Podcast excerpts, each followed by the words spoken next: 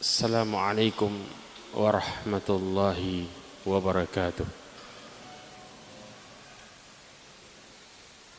إن الحمد لله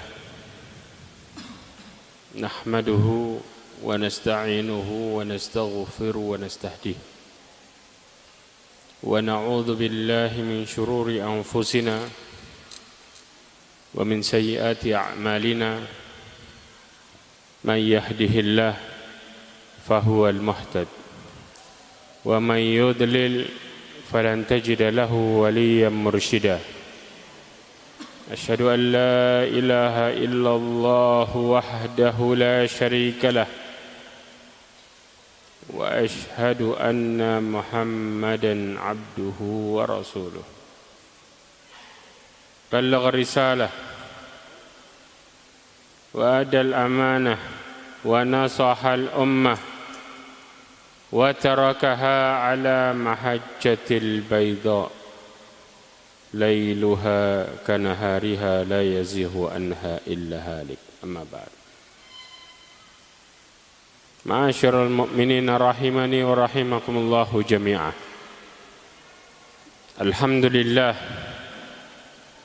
kita bersyukur kepada Allah Subhanahu wa taala dengan segala nikmatnya petunjuknya serta inayahnya naungannya kita bisa berkumpul di tempat ini untuk bersama-sama mendekatkan diri kepada Allah Subhanahu wa taala. Salawat serta salam kepada Nabi Muhammad sallallahu alaihi wasallam. Khairul anbiya wal mursalin. Sebaik-baik nabi dan sebaik-baik rasul. Ma'asyiral mu'minin rahimani wa rahimakumullah. Dalam menjalankan kehidupan ini dalam menempuh jalan hidup ini seseorang ingin mendapatkan kemudahan dalam hidup. Mereka ingin usahanya membuahkan hasil yaitu kebahagiaan.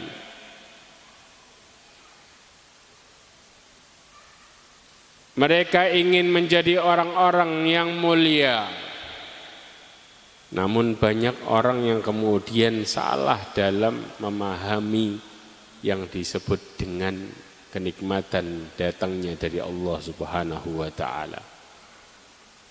Berapa banyak orang-orang yang melihat ahli maksiat ketika Allah berikan kehidupannya kenikmatannya mereka mulai iri. Apalagi ahli maksiat tersebut mengatakan doa saya mustajab. Allah itu sayang sama saya. Kalau engkau mengatakan saya tidak disayangi oleh Allah, mana buktinya? Setiap saya berdoa, Allah kabulkan. Kemudian orang-orang yang mereka tidak memahami pengertian nikmat yang sebenarnya yang Allah berikan, mulai mengatakan, lalu bagaimana dengan diri saya? Yang saya melakukan ketaatan, mendekatkan diri kepada Allah Subhanahu wa taala. Saya berusaha meniatkan semua karena Allah. Saya berusaha menjadi orang-orang yang ikhlas dalam beramal, namun hidup saya penuh dengan cobaan. Kalau kita dihadapkan dengan seperti ini, apa jawaban kita? Apa yang kita pikirkan? Maka, insya Allah hari ini kita akan membahas nikmat yang Allah janjikan dengan nikmat yang palsu. Supaya tidak ada pertanyaan di benak kita lagi. Supaya tidak ada yang namanya buruk sangka lagi terhadap Allah Subhanahu wa taala menjanjikan kebahagiaan di banyak ayat. Ada satu ayat yang menjelaskan kebahagiaan tersebut secara global dan penjelasan detailnya di dalam tafsirnya. dijelaskan man amila salihan min dakarin au untha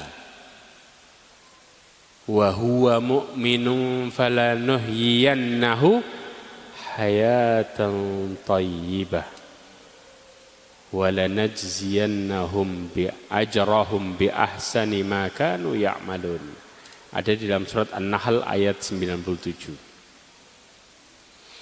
Allah menjelaskan barang siapa man amila salihan min dakarin au untha barang siapa yang melakukan amal saleh dari laki-laki atau perempuan. Dengan syarat apa? Wahwa mu'min. Dan dia beriman. Allah janjikan kami akan berikan kepadanya falanuhiyannahu hayatan taibah kami hidupkan dengan kehidupan yang baik. Di dunia. Di akhiratnya wananajziyannahum bi ahsani maka ajrahum bi ahsani maka nu ya'malun dan kami akan memberikan balasan pahala ajrahum bi ahsani maka nu ya'malun dengan yang terbaik dari apa yang mereka lakukan. Artinya apa? Amalan kita kecil tapi Allah balas dengan balasan yang berlipat ganda. Gak seimbang dengan amal kita. Ya. Nah, sekarang pertanyaannya kita membahas yang perkara dunianya. Yang disebut dengan hayatan thayyibah. Di dalam tafsir muyassar ada tiga. Tiga. Yang pertama adalah Allah akan menjadikan mereka orang-orang mukmin tadi ridho dengan ketetapan yang Allah berikan. Artinya mereka nggak akan pernah menolak takdir dan mereka melihat takdir merupakan hal yang paling baik di sisi Allah Subhanahu wa taala. Paham di sini? Oke. Nanti kita akan bahas detail satu-satu. Perkara yang kedua, Allah berikan mereka sifat qanaah. Ya. Perkara yang ketiga, Allah Subhanahu wa taala akan memberikan kepada mereka yaitu diberikan bimbingan menuju ketaatan. Kebayang enggak? Ya. Ulama tafsir mentafsiri yaitu apa? Ridho terhadap ketetapan, qanaah, kemudian diberikan petunjuk, bimbingan, dimudahkan untuk melakukan ketaatan. Stepnya gimana? Kita akan bahas. Hal yang pertama adalah ketika kita berbicara tentang permasalahan ketetapan Allah Subhanahu wa taala. Ma'asyarul mu'minin rahimani wa rahimakumullah. Ketika kita bicara ketetapan secara global, Allah Subhanahu wa taala mengatakan dalam surat At-Takwir ayat 29. Allah mengatakan wa ma tasyauna illa ayyasha Allahu rabbul alamin. Semua yang kalian kehendaki di bawah kehendak Allah Subhanahu wa taala. Bahkan Allah mengatakan wallahu khalaqakum wa ma ta'malun. As-Saffat 96. Allah mengatakan Allah menciptakan kalian dan apa yang kalian perbuat. Artinya, saking taunya Allah tentang kita, saking fahamnya sampai Allah mengerti bagaimana sifat hambanya satu-satu. Karena Allah yang menciptakan kita. Kemudian di dalam hadis Rasulullah SAW, tahu enggak? Yang pertama diciptakan oleh Allah Subhanahu taala. Ya. Yang pertama adalah sebelum terjadi semuanya diciptakan bumi dan lain sebagainya. Allah menciptakan pertama kali adalah pena. Makanya Allah mengatakan apa? Nun wal qalami wa ma yasturun. Allah bersumpah demi pena dan apa yang ditulisnya. Di dalam hadis Rasulullah SAW dijelaskan, penjelasannya di sini. Di dalam riwayat Tirmidzi, hadis ini disahkan oleh Albani. Rasulullah mengatakan inna awwalu ma khalaqallah al-qalam faqala. Sesungguhnya Allah pertama kali menciptakan pena. Kemudian Allah perintahkan kepada pena, tulis. Kemudian pena bertanya, Faqala ma'aktub. Pena bertanya, apa yang aku harus tulis? Kemudian Allah mengatakan, Uktubil qadar, makana wa ma huwa kainun ilal abad. Tulislah semua yang akan terjadi takdir. Sampai terus selamanya. Apa yang terjadi selamanya. Maka kemudian pena pun menulis.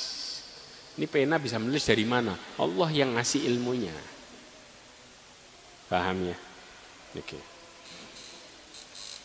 Tapi ingat, loh berarti hati-hati.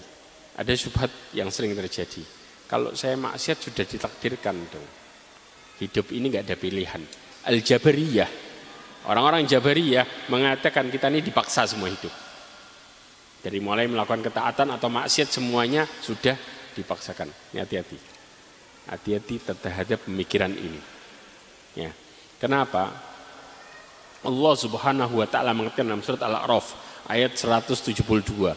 Allah itu sudah membuat perjanjian sama kita semua pada waktu di alam roh.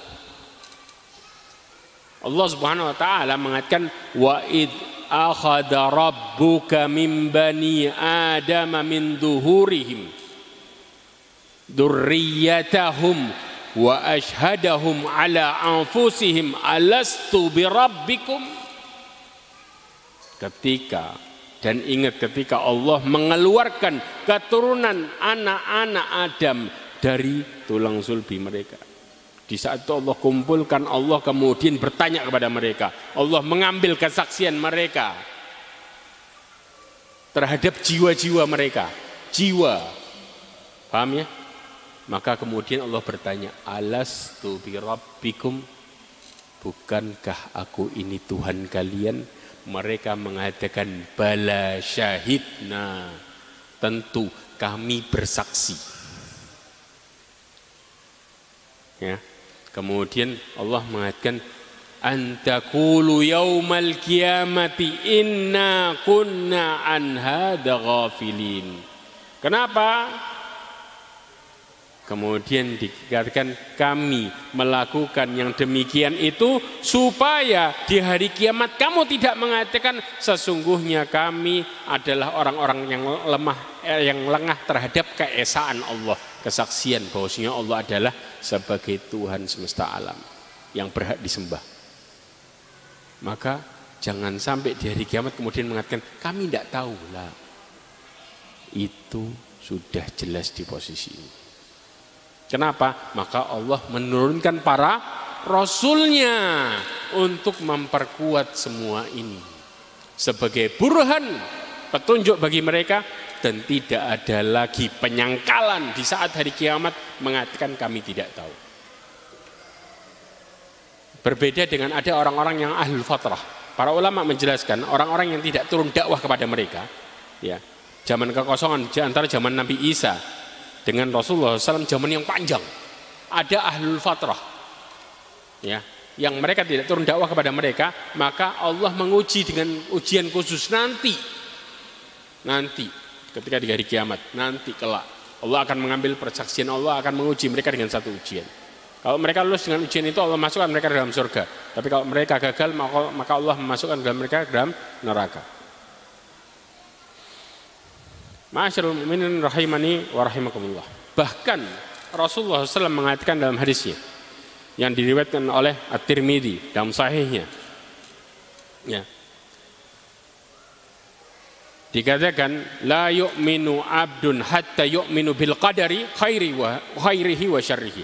Tidak disebut seseorang hamba beriman sampai mereka beriman dengan takdir yang baik sama yang buruk. Jelas? Saya lanjutin lagi. Kemudian hatta bi'ilm anna ma asabahu lam yakun liyukhti'ah. Artinya takdir baik buruk ini bagaimana kita harus beriman?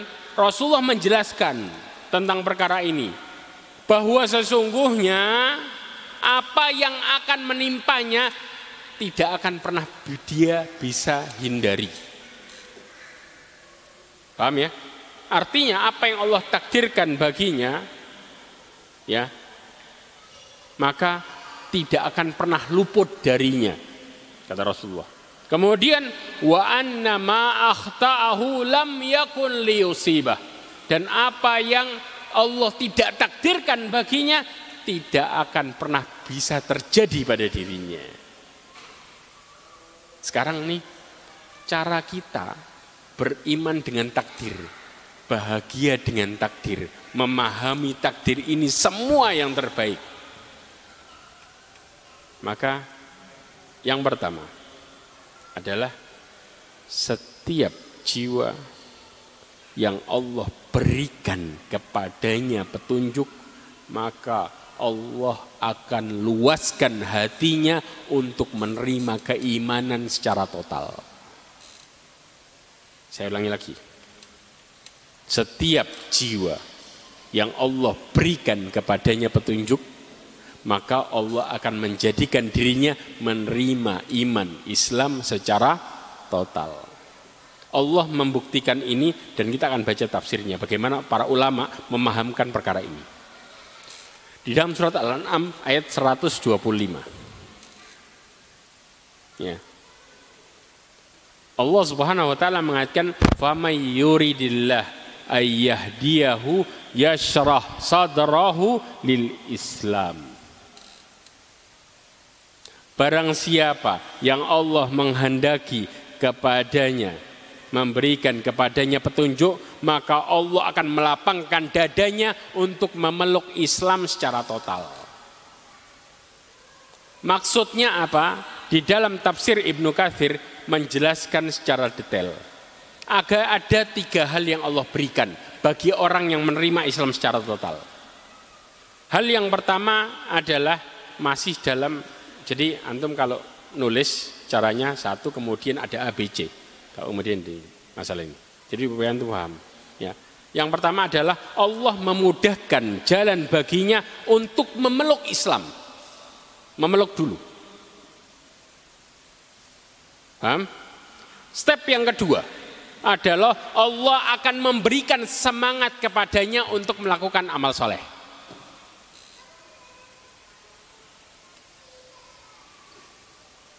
Step yang ketiga adalah Allah melancarkan untuknya memeluk Islam, memberikannya istiqomah.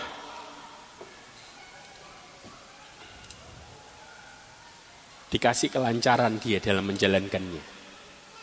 Artinya apa? Istiqomah. Bukan sekarang iya, bulan depan putus. Enggak. Maka kata Ibnu Katsir mengatakan hal ini merupakan alamat kebaikan bagi orang yang bersangkutan. Silahkan dibuka di dalam tafsir. Surat Al-An'am 125 tadi yang saya jelasin. Di situ Ibnu Katsir jelasin stepnya. Ini persis seperti Allah menyebutkan di dalam surat Az-Zumar ayat 22. Sejalan dengan ayat ini. Allah mengatakan afaman syarahallah sadrahu lil Islam fahuwa ala nurim mir rabbih. Kata Allah, maka apakah orang-orang yang dibukakan Allah hatinya untuk menerima Islam, dia mendapatkan cahaya dari Allah Subhanahu wa taala yaitu petunjuk kepadanya. Jelas ya. Orang yang seperti ini maka mereka akan menerima takdir itu semua salah satunya.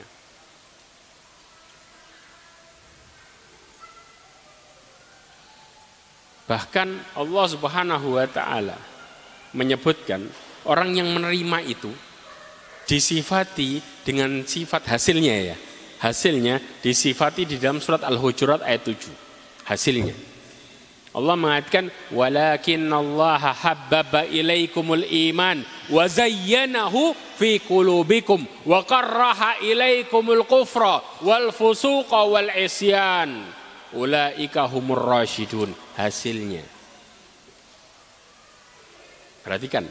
Allah menjadikan tetapi Allah menjadikan cinta. Kalian cinta terhadap keimanan, menjadikan iman itu indah, dihiasi di dalam hatinya dan menjadikannya ya benci terhadap kekafiran, kefasikan dan keingkaran dosa. Mereka itulah yang mendapatkan petunjuk. Artinya berjalan dengan keimanan yang Allah berikan, mereka benci dengan yang namanya keluar dari ketaatan. Makanya di dalam hadis Rasulullah SAW dikatakan salatun mangka nafihi wajada bihin halawatal iman. Tiga perkara yang barang siapa yang ada di dalam diri seseorang maka mereka mendapatkan nikmatnya iman. Salah satunya yang terakhir dikatakan apa? Wa ayyakrahu ayyauda ilal kufri kama yakrahu ayyuqdafa finnar. Kata Rasulullah, mereka benci untuk kembali kepada kekafirannya, kesalahannya yang dulu. Sebagaimana mereka benci untuk dilempar ke neraka.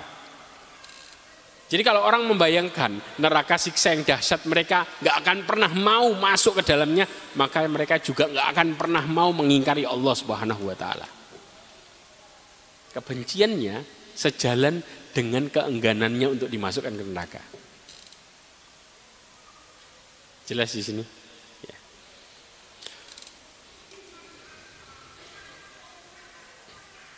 Lalu Bagaimana dengan orang-orang yang Allah sesatkan? Ya. Kita masih ke dalam poin pertama. Orang-orang yang Allah sesatkan disebutkan wa may yurid ayudillahu yaj'al sadrahu dayyiqan haraja. Barang siapa yang Allah menghendakinya untuk disesatkan, maka Allah akan menjadikan ya dadanya sesak dan sempit dipermisalkan apa? Kaan nama ada ilas sama. Fis sama. Seperti mereka orang-orang yang kemudian mendaki ke langit kata Allah Subhanahu wa taala. Kenapa? Orang yang semakin naik semakin tinggi semakin nyesek. Ya. Dikatakan di dalam tafsir Ibnu Katsir disebutkan ya. Imam Abu Ja'far dan Ibnu Jarir At-Tabari menjelaskan bahwa perumpamaan yang dibuat oleh Allah yang menggambarkan hati orang kafir yang sempit yang sangat sehingga iman tidak bisa sampai kepada dirinya seperti sikap orang kafir yang menolak tidak mau beriman. Kesempitan kalbunya untuk dicapai oleh iman diumpamakan keengganan naik ke langit seperti orang yang nggak mau naik ke langit dan ketidakmampuannya untuk melakukan itu. Artinya apa? Allah buat mereka semakin ngeliat petunjuk semakin benci. Allah buat mereka setiap melihat kebaikan mereka semakin mengatakan ah ini beban hidup. Kalau mau senang sudah ibadahnya tinggal dulu kita senang-senang dulu. Itu yang terjadi. Maka jangan heran kalau kemudian seseorang mulai melakukan sholat lima waktu, mulai mereka merasakan beban berat, bahkan sampai melihat kenapa agama itu susah, maka ciri-ciri Allah mulai jauhkan dia dari petunjuk. Ujung-ujungnya apa? Banyak orang yang kemudian pindah agama. Karena melihat apa? Islam semakin dilakuin semakin nyesek. Terjadi enggak? Ya. Hati-hati.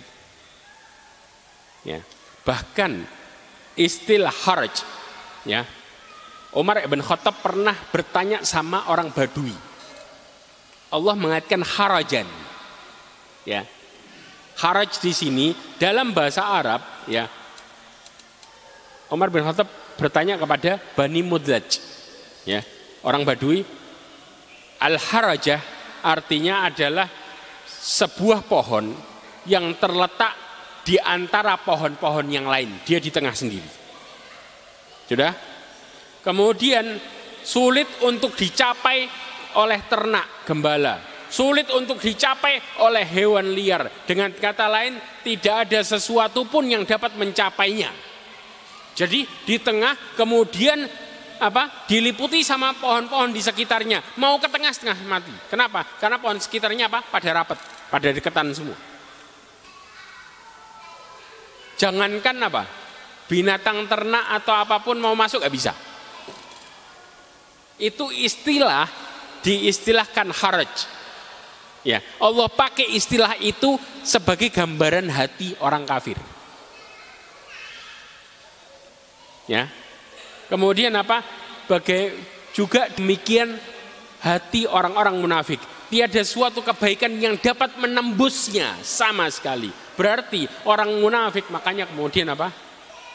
Wa idza qamu ila salati qamu kusala.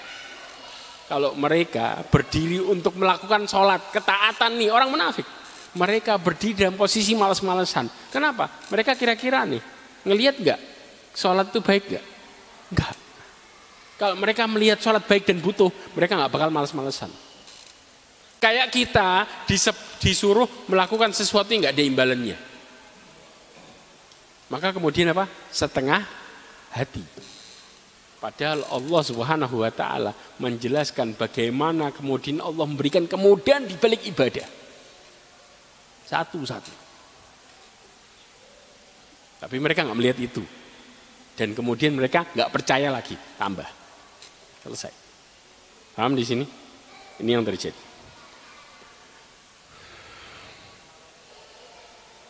Ma'asyiral mu'minin rahimani wa rahimakumullah. Hal yang kedua, masih dalam perkara takdir. Kalau mau kita menerima takdir Allah dengan baik, baik ataupun buruk. Rasulullah SAW ngasih step kita menjalankan kehidupan dengan cara yang luar biasa. Kata Rasulullah SAW dalam hadisnya, mungkin kita sering dengar hadis ini. Yang diriwayatkan oleh Muslim dikatakan ehris ala ma yanfa'uka. Ini yang dilakukan oleh salafus saleh. Mereka dalam beramal dasarnya di sini. Apa yang mereka lakuin? Rasulullah mengatakan berusahalah untuk mendapatkan apa yang bermanfaat untukmu mereka meninggalkan, menjauhi sesuatu yang sia-sia. Kenapa? Sering kita ngeluh dalam sebuah perkara dan gak terima. Karena kebanyakan hidup kita sia-sia. Maka kita jatuh ke dalam sebuah kesia-siaan dengan posisi yang gak enak. Dan sia-sia itu berawal yang menjauhkan kita dari petunjuk tanpa terasa, pelan-pelan. Rasulullah mengatakan min husnil islamil mar'i tarkuhu malayani. Malayani ini apa? Yang nggak bermanfaat. Dari baiknya Islam seseorang meninggalkan sesuatu yang tidak bermanfaat. Makanya Rasulullah kemudian ngajarin di sini. Ihris ala fauka. Nah, dalam kita bisa semangat untuk melakukan semua yang bermanfaat. Gimana caranya? Rasulullah mengatakan wasta'in billah. Minta tolong sama Allah Subhanahu wa taala. Wala ta'jiz. Wala ta'jiz. Jangan putus asa. Dalam minta tolong ini perkara yang sangat penting. Makanya Rasulullah mengatakan, Mbak ngajarin kita doa. Doa pagi sore itu. Ada nggak? Lafadznya ya hayu ya qayyum. Apa seterusnya? Birahmatika astaghith. Dengan rahmatmu aku meminta tolong. Terus aslih li sya'nikullah. Perbaikilah urusanku semua. Semua. Paham ya?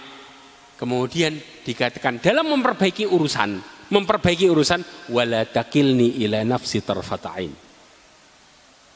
Janganlah engkau biarkan diriku nyandar sama diri sendiri.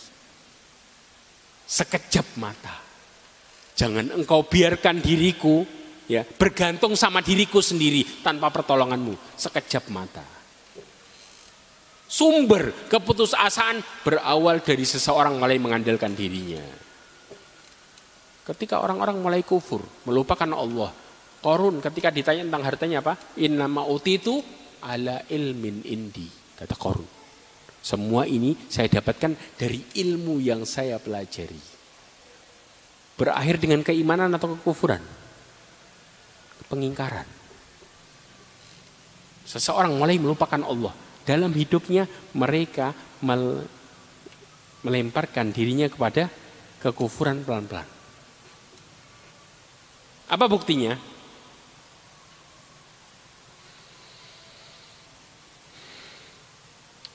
Perhatikan baik-baik.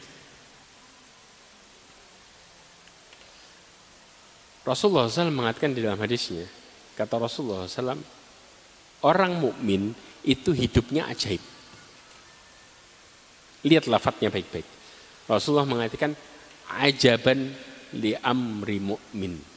Fa inna amrahu kullahu khair. Rasulullah mulai dengan kata-kata sungguh ajaib perkara orang mukmin. Kalau ajaib bisa diprediksi enggak? Enggak. Enggak nyangka kita. Semuanya judulnya apa? Pertolongan. Kenapa? Kata Rasulullah, semua perkaranya baik. Apa yang mereka lakukan? In asabathu sarra syakar fakanat khairun lah. Ketika dia ditimpa sesuatu yang buat dia bahagia, dia bersyukur. Balik ke Allah lagi. Wa in asabathu darra sabar fakanat khairun lah. Kalau dia ditimpa sesuatu yang buat dia bersedih, susah, dia bersabar, balik lagi sama Allah. Artinya apa? Hidupnya nggak pernah ngandalin dirinya. Dia selalu minta tolong sama Allah dalam setiap kondisi. Makanya Rasulullah coba bayangin. Rasulullah yang maksum, yang luar biasa Rasulullah berdoa Allahumma hasibni hisab yasira. Ya Allah hisab aku dengan hisab yang mudah. Rasulullah. Rasulullah menjadikan setiap kondisinya berdoa, minta tolong sama Allah. Rasulullah ngajarin kepada Abdullah bin Abbas masih kecil. Apa ajaran Rasulullah? Wa idza sa'alta fas'alillah. Wa idza sta'anta fasta'in billah. Anak kecil loh. Rasulullah ngasih tahu apa? Kalau engkau mau minta, minta sama Allah. Kalau mau minta tolong, minta tolong sama Allah. Paham di sini? Artinya jangan orang mulai ujub. Gara-gara apa?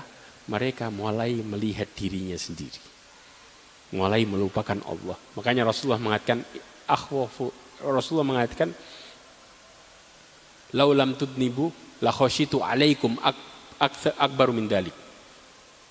Al ujubul ujub. Kalau seandainya kalian tidak melakukan kesalahan, aku takut perkara yang lebih parah daripada itu, yaitu bangga diri. Kenapa? Karena melihat dirinya baik, mulai melupakan Allah Subhanahu wa taala.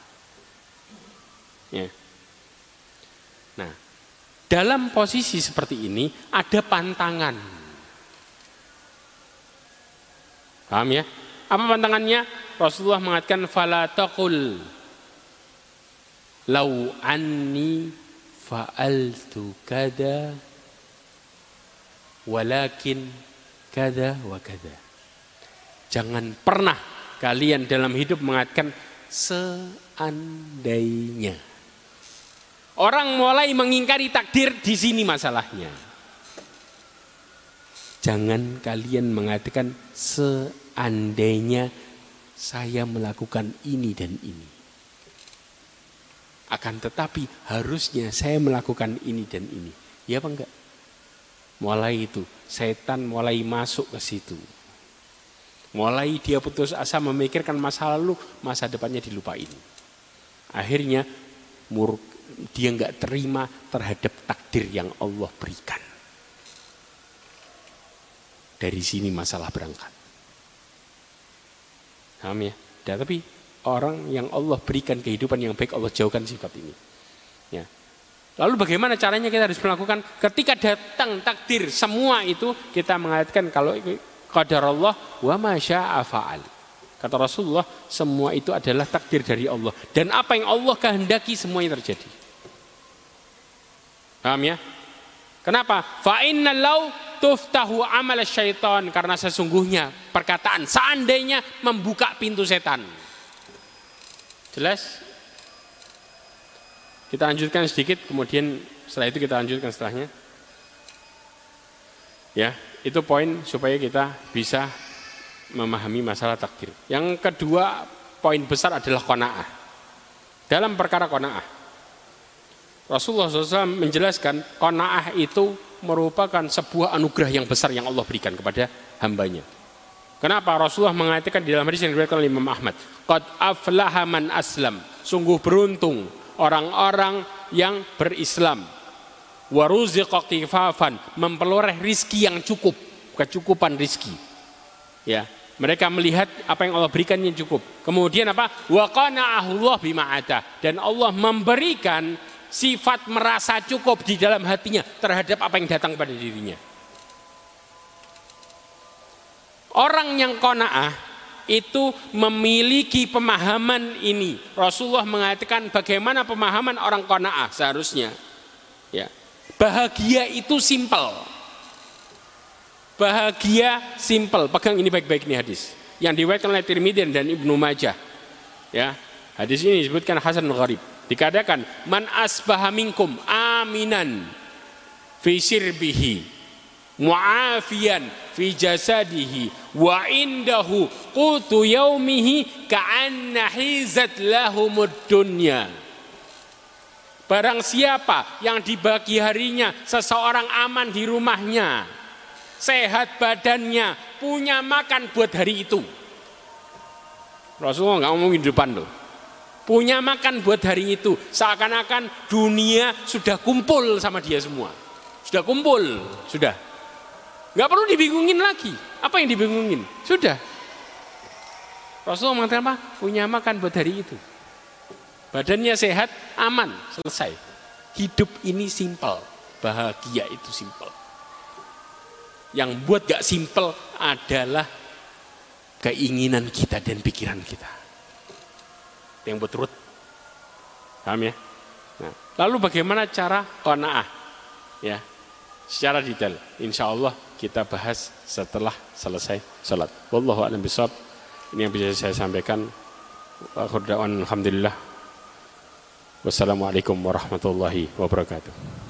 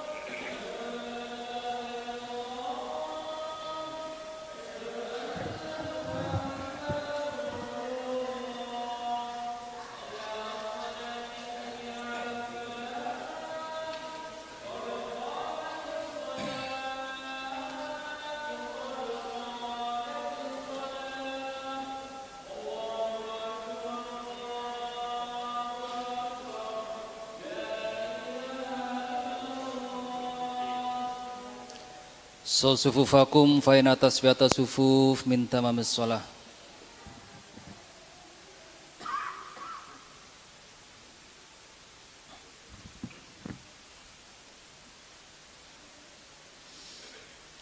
Allahu akbar.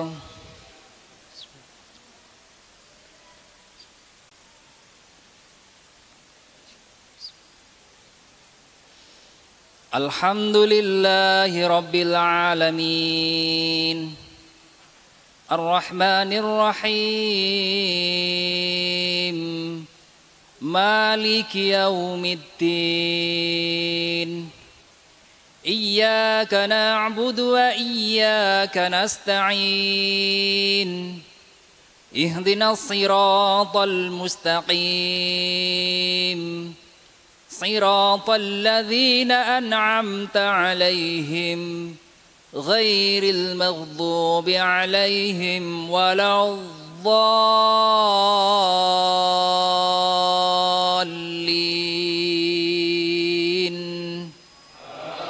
آمين.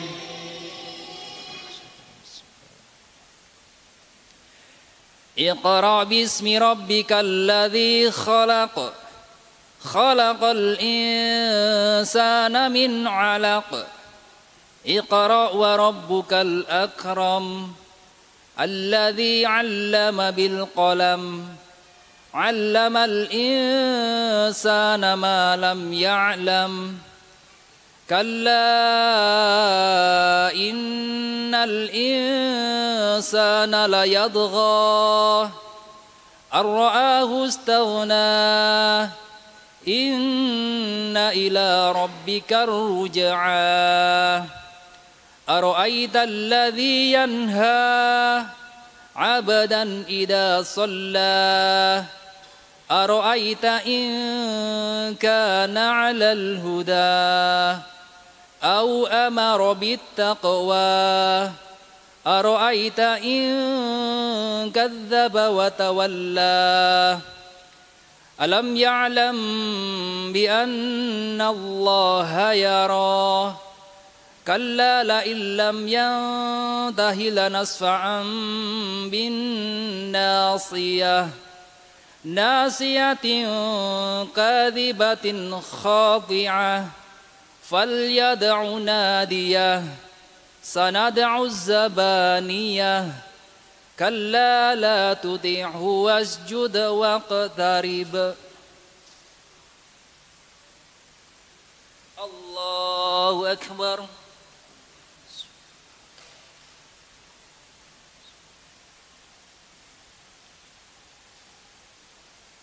سمع الله لمن حمده.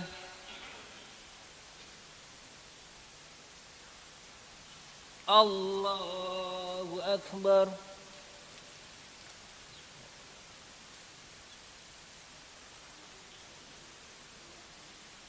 الله أكبر.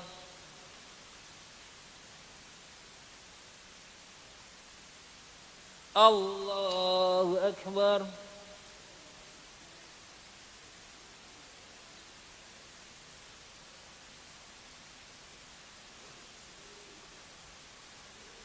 الله أكبر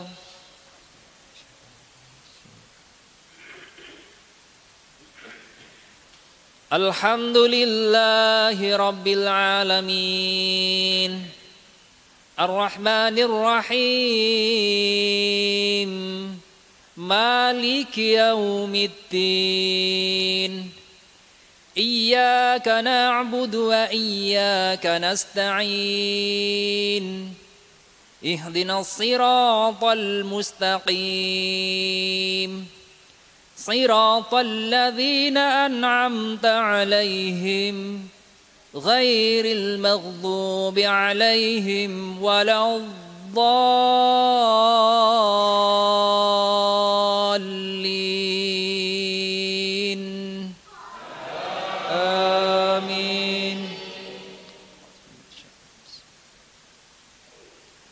إذا زلزلت الأرض زلزالها وأخرجت الأرض أثقالها وقال الإنسان ما لها يومئذ تحدث أخبارها بأن ربك أوحى لها يومئذ يصدر الناس أشتاتا ليروا أعمالهم.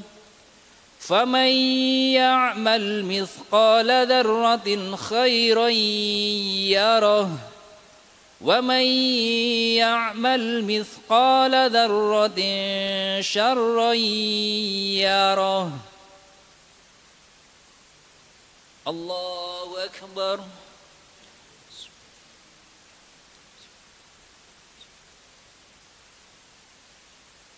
سمع الله لمن حمده.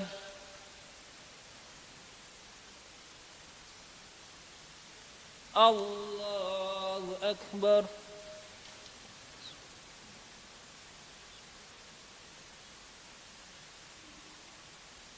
الله أكبر.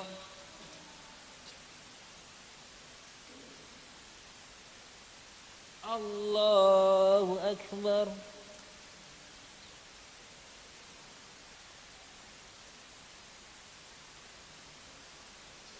الله أكبر.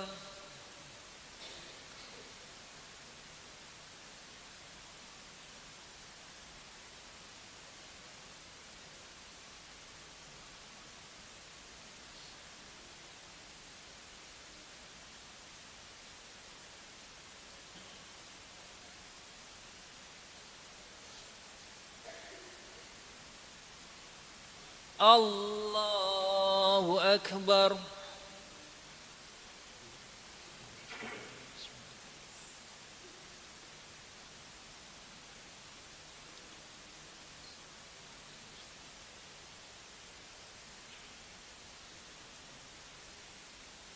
الله أكبر.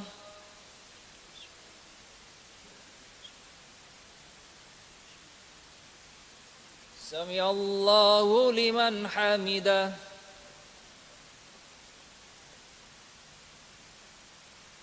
الله أكبر.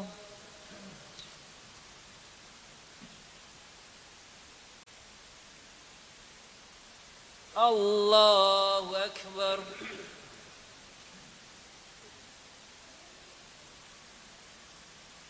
الله أكبر.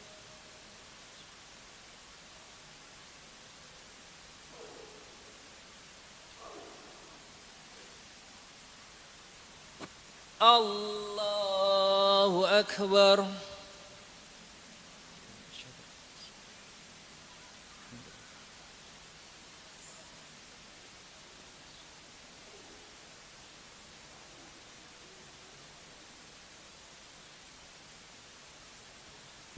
الله أكبر.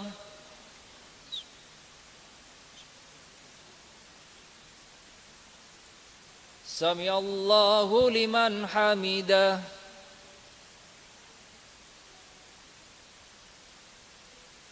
الله أكبر.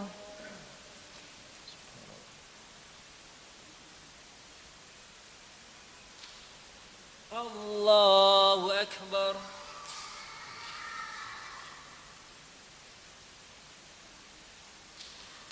الله أكبر. الله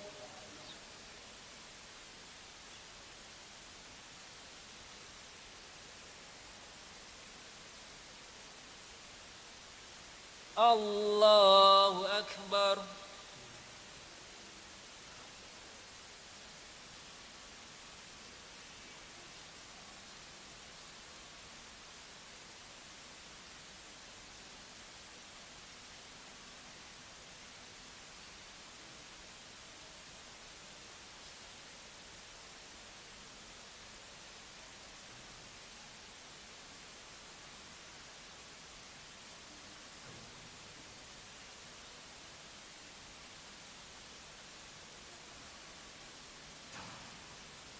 السلام عليكم ورحمة الله. السلام عليكم ورحمة الله.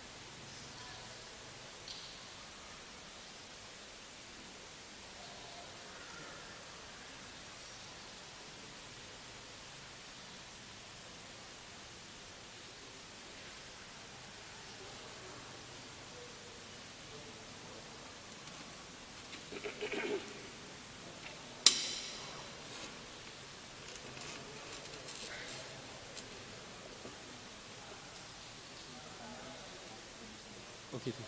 Ada. Sudah ada di sini. Sudah ada tulisannya. Belum. Oh iya, oh gitu.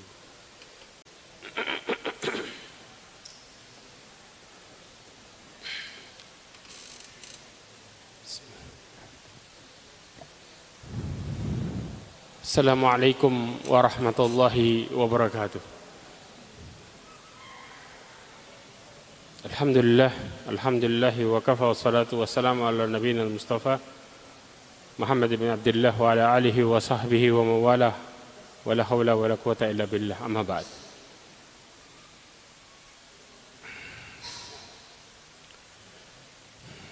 Ma'asyiral mu'minin rahimani wa rahimakumullah. Dalam perkara qanaah sekarang Rasulullah SAW menjelaskan di dalam hadis yang diriwayatkan oleh Ibnu Majah disebutkan dari Abu Hurairah radhiyallahu anhu qala qala Rasulullah sallallahu alaihi wasallam undur ila man huwa asfala minkum wa la tandur ila man huwa fawqakum fa in fa innahu ajdaru alla tazdaru ni'matallah wa qala Abu Muawiyah alaikum disebutkan lihatlah kepada yang di bawah kalian Ya. Artinya seseorang seharusnya melihat seseorang yang di bawahnya dalam perkara nikmat, maka kita akan menjadi orang yang bersyukur luar biasa. Ya. Wala tandur ila man huwa fauqakum. Jangan pernah melihat kepada yang di atas. Kenapa? Orang yang kau melihat kepada yang di atas gak akan pernah kemudian merasa mereka sudah diberikan kebaikan kepada Allah begitu banyak. Gak akan pernah merasa.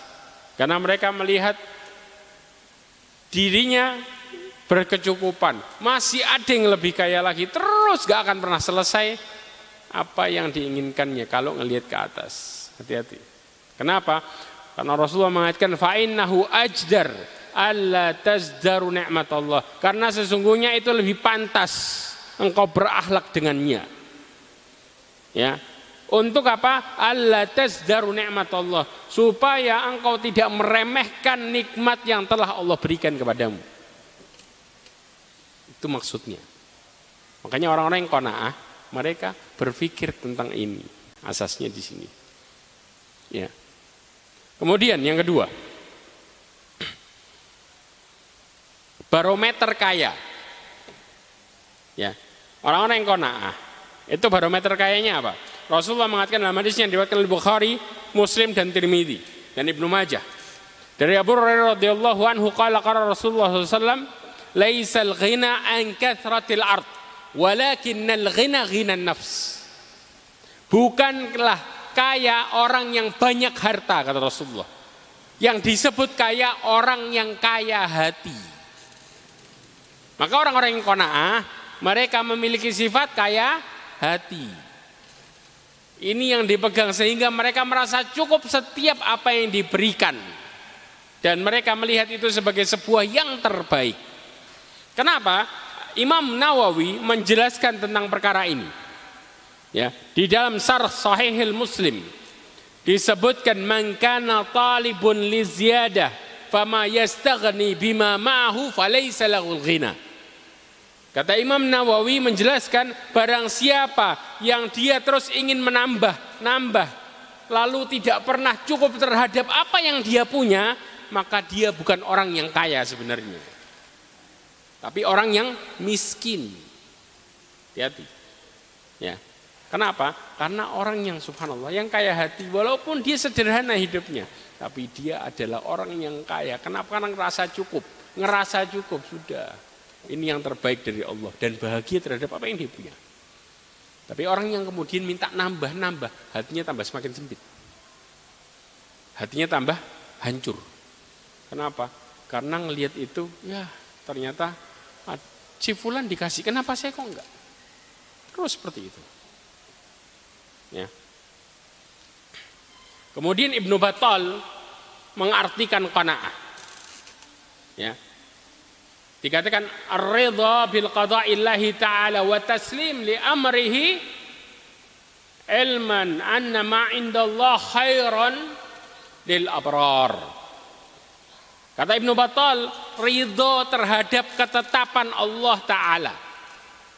Ya, pengertian qanaah ridho terhadap ketetapan Allah Ta'ala. Dan berserah diri terhadap segala keputusannya. Yaitu segala dari Allah itulah yang terbaik. Ini orang yang qanaah berpikir dengan pemikiran yang seperti ini. Paham di sini? Oke. Perkara yang besar yang disebut dengan hidup yang baik. Yang ketiga adalah bimbingan menuju ketaatan. Perhatikan. Apa yang kita lakukan dari ketaatan merupakan anugerah dari Allah Subhanahu wa taala.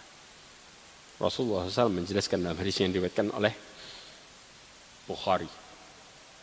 Maaf, yang diriwayatkan oleh Muslim, ya, Imam Ahmad, Ibnu Majah, kemudian Tabrani,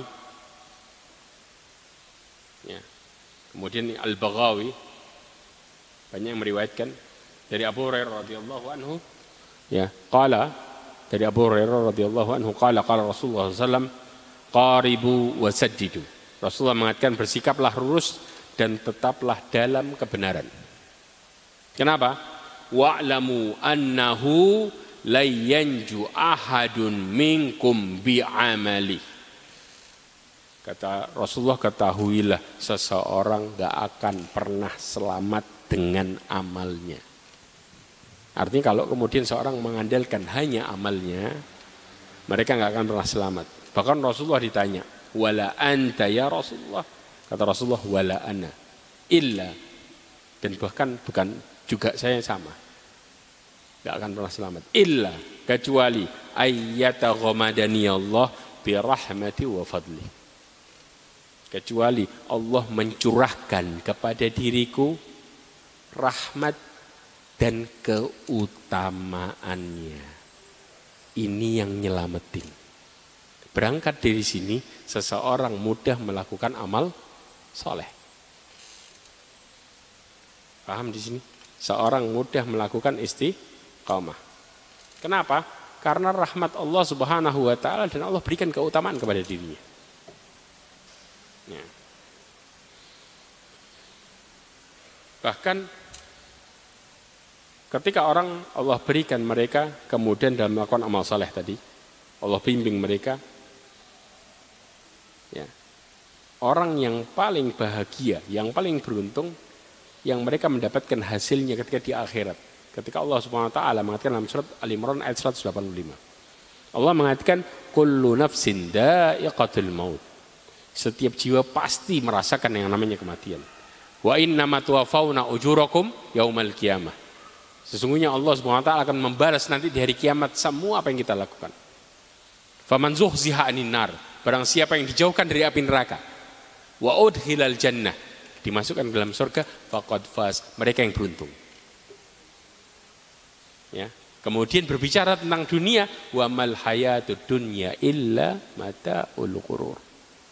Tidaklah kehidupan dunia kecuali ya, kesenangan yang semu, nipu. Ya, kelihatannya enak, berapa banyak di antara kita ketika ngajar bayangan kita kalau saya dapat ini akan kayak gini. Betul enggak? Begitu dapat hasilnya jauh. Ternyata enggak sesuai pikiran. Loh, kok gini ujung-ujungnya kecewa. Itu yang disebut dengan apa? Kenikmatan menipu. Pikiran kita gini, hasilnya begini.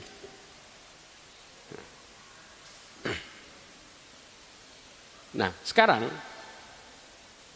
tentang bimbingan ketaatan yang Allah berikan tadi. Ya. Kita bicara tentang masalah iman dan amal saleh.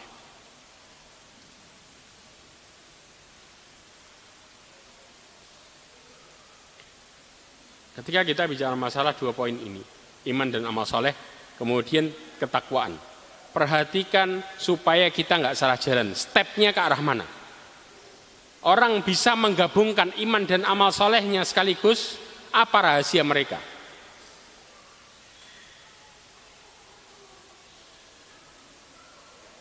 Ya. Ini berangkat dari ayat Allah Subhanahu wa taala wa basyiril ladzina amanu wa amilus salihati anna lahum jannatin tajri min anhar. Ketika Allah Subhanahu wa taala menjelaskan surat Al-Baqarah ayat 25 ya. Allah mengatakan berikanlah kabar gembira kepada orang-orang yang beriman dan beramal soleh bahwa sesungguhnya bagi mereka surga yang di bawahnya mengalir sungai-sungai. Ya. Ibnu Abi Zaid Al-Qarawani menjelaskan tentang iman. Bagaimana praktek keimanan dengan amal soleh. Innamal iman qawlu bil lisan. Sesungguhnya keimanan itu mengatakan dengan lisan. Wal ikhlasu bil qalb. Ini satu jalan semua. Gak bisa salah satunya hilang. Dan keikhlasan dengan hati wal amalu bil jawarih. Di yang lain mengatakan wal amalu bil arkan. Ya, melakukan amalan dengan anggota tubuh. Kemudian yazidu bizyadatil amal. Iman itu semakin naik dengan bertambahnya amalan. Wayang kusu binaksiha. Dan juga iman semakin turun dengan berkurangnya amalan. Ya. Fayakunu fiha naqsun wa biha. Iman itu bisa naik kemudian juga bisa turun. Wala yakmulul qaul iman illal bil amal. Nah, stepnya tidaklah iman akan sempurna kecuali dengan amalan wala qaul walal qaul wal, wal amal illa binniyah dan gak akan pernah sempurna iman dan amal kecuali dengan niat. Dan juga walal qaul wal amal wan niyah illa bimuwafaqati sunnah. Yang terakhir keimanan amal niat gak akan pernah berjalan baik kalau tidak mengikuti sunnah jalannya Rasulullah Sallallahu Alaihi Wasallam. Empat hal nggak bisa dipisahin. Baru tercapai iman dan amal yang benar. Ini kadang-kadang enggak. Tiganya jalan. Intibaknya enggak ada. Buyar. Makanya kadang-kadang sering seseorang ya hilang di sini setan mulai ngipasin. Amalnya bagus. Terusin, lanjut. Nah, ketika kemudian dikasih tahu kan nggak ada contohnya. Loh, siapa bilang? Kan niatnya baik. Allah udah ngomong itu dalam surat Al-Kahfi. Kul hal nunabbi'ukum bil akhsarina amala. Katakanlah, apakah kami ingin kabarkan tentang orang-orang nyawa yang paling buruk amalannya? paling rugi alladzina dhalla sa'yuhum fil hayatid dunya yang mereka melakukan amalan ya ternyata apa tersesat keluar dari jalur Wahum yahsabuna annahum yuhsinun nasun'ah. Mereka ngerasa mereka melakukan yang terbaik. Kenapa? Enggak ada tiba di sini. Ya, makanya subhanallah, hati-hati. Ada orang yang kemudian melakukan amal kayak gini, ujung-ujungnya apa? Dirinya nggak pernah berubah, jalan di tempat. Keyakinannya sama Allah nggak nambah-nambah. Kedolimannya berjalan. Padahal harusnya amalan soleh itu bisa membawa kepada seseorang kepada apa? Ketaatan, semakin takut kepada Allah. Tapi enggak, ketakutannya enggak terjadi. Ketakwaannya enggak ada. Terjadi enggak? Sholat lima waktu, ngajinya kenceng, tapi keimanannya bermasalah. Ketakwaannya bermasalah. Maka perlu dicek tuh masalahnya di mana. Jelas? Bicara masalah keimanan. Al-Imam Baghawi menjelaskan, menyebutkan, diriwayatkan dari Uthman ibn Affan radhiyallahu an dalam sebuah athar. Dikatakan di dalam kitab Ma'alimut Tanzil. Ya, Utsman menyebutkan yang disebut keimanan adalah al amal saleh adalah mengikhlaskan amal. Kemudian maksudnya adalah bersih dari ria. Mu'ad bin Jabal mengatakan tentang amal saleh. Ya, ada harus ada empat unsur di dalam melakukan amal saleh. Ya, yaitu al ilmu satu ilmu. Yang kedua, niat yang benar. Yang ketiga, sabar. Dan yang keempat, ikhlas. Saya ulangi lagi. Yang pertama, ilmu. Yang kedua, niat. Dengan niat yang benar. Yang ketiga adalah sabar. Yang keempat, al-ikhlas. Perhatikan ini. Maka ketika empat unsur ini ada, amal saleh berjalan dengan semestinya.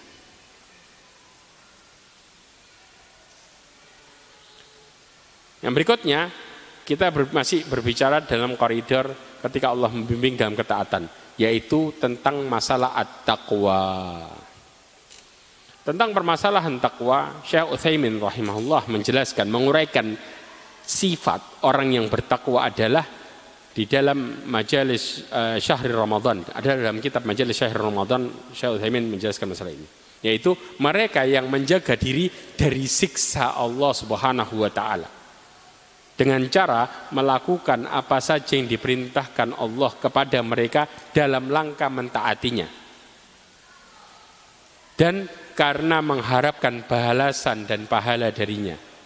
Jelas? Kemudian meninggalkan apa saja yang dilarang oleh Allah Subhanahu wa taala demi mentaatinya serta khawatir akan tertimpa adab. Ini sejalan dengan pengertian Talak Ibn Habib. Talak Ibn Habib mengartikan takwa ulama salaf mengatakan apa? Yang pertama an ta'malu bi ta'atillah ala nuri min Allah tarju thawab Allah. Engkau melakukan ketakwaan, melakukan amal soleh. Ya. Yaitu atas petunjuk dari Allah, cahaya dari Allah. Yaitu apa? Karena engkau mengharapkan pahala. Jelas? Kenapa harus mengharapkan pahala? Rasulullah ngajarin dalam hadis Rasulullah SAW. Sebutkan. Kata Rasulullah, man sama Ramadana imanan wahtisaban. Barang siapa berpuasa Ramadan dengan penuh keimanan dan mengharapkan pahala dari Allah. Jadi mengharapkan pahala ini sebuah penekanan untuk seseorang bisa mudah melakukan ketakwaan, melakukan amal saleh dengan baik. Ya, untuk mencapai apa? Ketak, ketakwaan. Kemudian antatruka maksiat Allah. Dalam meninggalkan kemaksiatan, engkau meninggalkan kemaksiatan kepada Allah. Ala nuri min Allah, berdasarkan petunjuk. Takhafu iqab Allah. Engkau takut hukuman dari Allah Subhanahu wa taala. Ini yang dimaksud. Ya.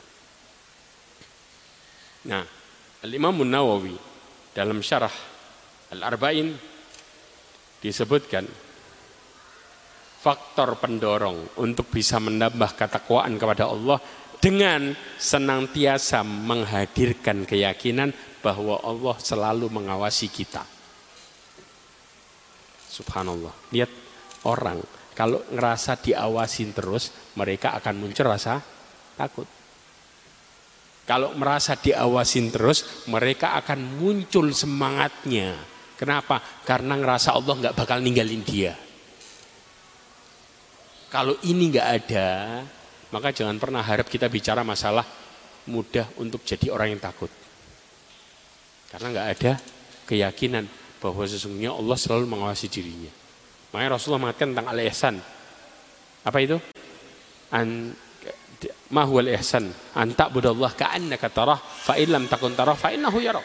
Engkau beribadah kepada Allah sekarang kan engkau merasa engkau melihat Allah Subhanahu wa taala. Kalau engkau nggak bisa merasakan itu, maka Allah menyaksikan dirimu. Selesai.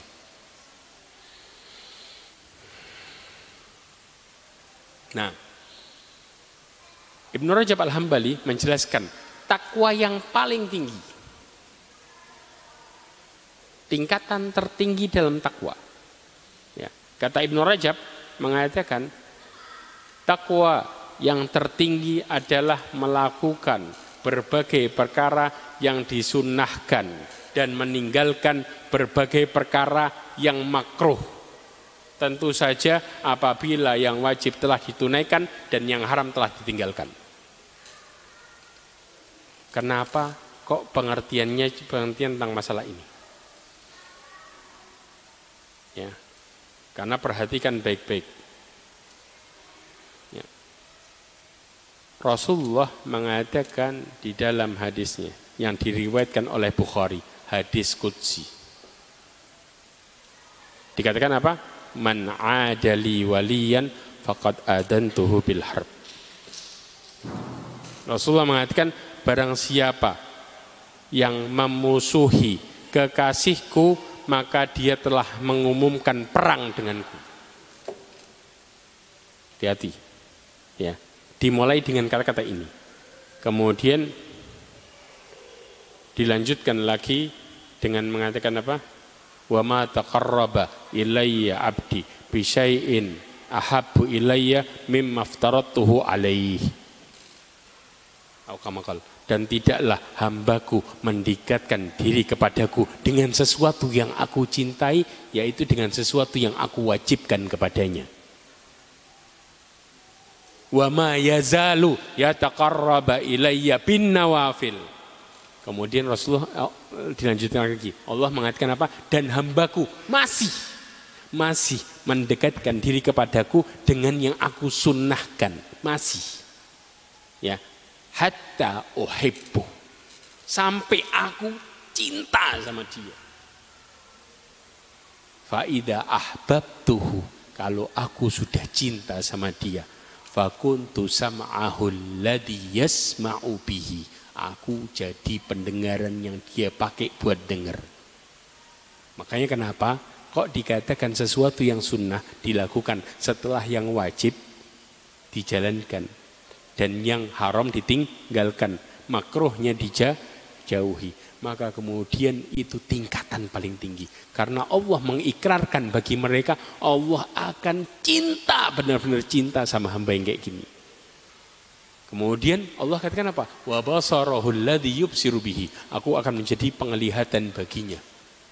Wa yadahul biha. Dan aku akan menjadi tangan baginya yang dipakai buat bermuamalah. Kemudian warijrahul ladzi yamshi dan langkah kaki yang dia pakai buat jalan. Wa in sa'alani la'utiyannah. Kalau dia minta sama aku pasti aku akan kasih. Wala in ista'adani la'uidannah. Kalau dia minta pertolongan kepadaku pasti aku akan tolong. Ini juga berkenaan dengan ketika Allah mengatakan innallaha ma'al ladzina taqaw wal ladzina hum muhsinun dalam surat Al Imran. Ya, Allah mengatakan Allah bersama orang-orang yang bertakwa secara khusus dan orang-orang yang ihsan yang merasa diawasi. Maka Allah akan memperhatikan semua gerak-geriknya secara khusus diatur untuk semakin dekat semakin dekat. Permintaannya, permintaan tolongnya diatur sama Allah untuk jadi tambah dekat. Maka mereka adalah orang-orang yang bertakwa yang luar biasa tingginya. Hidupnya penuh dengan keajaiban selesai. Faham di sini? Inilah bimbingan ketaatan. Kemudian masih ada waktu sedikit tentang masalah nikmat palsu. Yaitu secara garis besar kita mengenal dengan istilah istidraj. Hati-hati yang ini. Kelihatannya enak, Kayak Fata Morgana, sudah persis. Kelihatannya enak, kelihatannya. Habis dilakuin hasilnya hancur. Rasulullah SAW memberikan pengertian istidraj. Ya, sebelum kita bahas hadis Rasulullah, Allah memberikan pengertian istidraj dalam surat Al-An'am ayat 44. Pengertian detailnya dan dan hasil orang yang kena istidraj. Allah mengatakan falam manasu ma dzukiru bihi fatahna alaihim abwaaba kulli syai' hatta idza farihu bima utu akhadnahum baghtatan fa hum mublisun Artinya apa? Artinya baik-baik. Maka tatkala mereka melupakan peringatan yang telah diberikan kepada mereka. Datang peringatan dilupain. Berarti istidrat berawal dari pembangkangan. Jelas? Kemudian Allah mengatakan, Fatahna alaihim, ciri-cirinya. Sudah bangkang, baru-baru kemudian kita buka. Bagi mereka, abwa bakul syai. pintu segala kenikmatan. Berarti ciri-ciri utamanya apa? Bermaksiat, jauh dari Allah. Maka kemudian diberikan. Orang yang seperti ini ngakunya setiap saya berdoa dikasih. Iya, Allah nggak mau dengar dia lama-lama minta karena Allah benci. Jelas? Maka kemudian kapan mereka kena? Hatta idha farihu bima utu. Sampai ketika mereka senang terhadap apa yang diberikan kepada mereka. Akhadnahum baghtatan. Kami siksa mereka mendadak. Faidahum mublisun. Dan mereka dalam posisi terdiam. Putus asa. Kenapa? Gak bisa ngelakuin perbaikan lagi. Gak bisa balik. Berarti kapan Allah habisin di akhir hidupnya. Ditutup dengan su'ul khotimah. Hancur tuh hidupnya. Bahkan ulama mengadakan Allah tidak memberikan. Kenapa Allah kasih nikmat? Allah tidak memberikan kesempatan mereka untuk bersyukur. Kasih tipu terus, tipu, tipu. Rasulullah SAW mengatakan, hadis riwayat Imam Ahmad, ya hadis ini dihasankan dari Uqbah bin Amir radhiyallahu anhu qala Rasulullah qala qala Rasulullah SAW idza ra'aita Allah taala yu'til abda minad dunya kalau engkau yang dikasih kenikmatannya apa? Di sini jelasin. Apabila engkau melihat Allah Subhanahu wa taala memberikan hambanya dari dunia. Ma yuhib, apa yang dia mau. Apa yang dia suka. Ciri-cirinya apa? Apa yang dia suka. Dia kepingin apa dikasih. Wahwa muqimun alal ma'siyah dan dia terus menerus melakukan kemaksiatan Kata Rasulullah, fa inna madalika min istidraj. Karena sesungguhnya itulah yang disebut dengan apa? Jebakan dalam kenikmatan. Istidraj. Jebakan. Ya.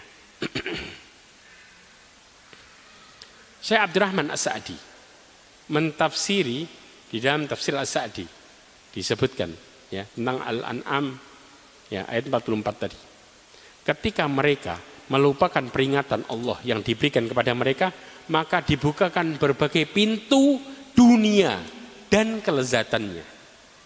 Ya, mereka pun lalai sampai mereka bergembira dengan apa yang diberikan kepada mereka. Akhirnya Allah menyiksa, menyiksa mereka tiba-tiba. Mereka putus asa dari berbagai kebaikan. Kebayang? Ya. Seperti itulah beratnya siksanya mereka terbuai, lalai, dan tenang dengan keadaan dunia mereka. Ya. Imam Hasan Al Basri mengumpamakan orang yang seperti ini adalah mereka yang melihat dosanya kayak lalat yang nempel di hidung. Kata Imam Hasan Al Basri, kemudian mereka kibas dengan tangannya. Ya. Lalu, namun itu sebenarnya lebih berat hukumannya dan jadi musibah yang besar. Ini yang dikatakan oleh Imam apa namanya uh, Abdurrahman Ibn Nasir Asadi. Kemudian Imam Hasan Al Basri memberikan penjelasan barang siapa yang diberikan keleluasaan oleh Allah lalu ia tidak memandang bahwa hal itu merupakan ujian baginya maka dia adalah orang yang tidak mempunyai pandangan dan barang siapa yang diberikan kesempitan oleh Allah, lalu ia tidak memandang bahwa dirinya sedang diperhatikan oleh Allah, maka dialah orang yang tidak mempunyai pandangan. Kemudian Imam Hasan Al-Basri membacakan surat Al-6 ayat 44. Artinya, orang yang seperti ini ketika diberikan ya, diberikan apa? Diberikan kenikmatan, mereka nggak ngerasa itu cobaan. Dan orang yang seperti ini ketika diberikan ujian mereka nggak ngerasa lagi diperhatiin sama Allah secara khusus. Berarti apa? Cobaannya adalah penghancur hidupnya. Kata mereka, kenapa Allah saya kasih saya seperti ini seperti ini? Ya. Hasilnya ada di dalam surat Al-Fajr 15-16. Nanti baca sendiri. Ya. Orang-orang yang seperti ini memandang memandang pemberian 15-16.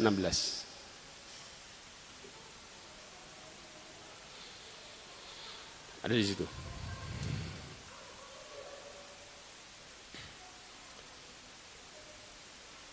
Nah, Masyaallah mukminin rahimani wa rahimakumullah.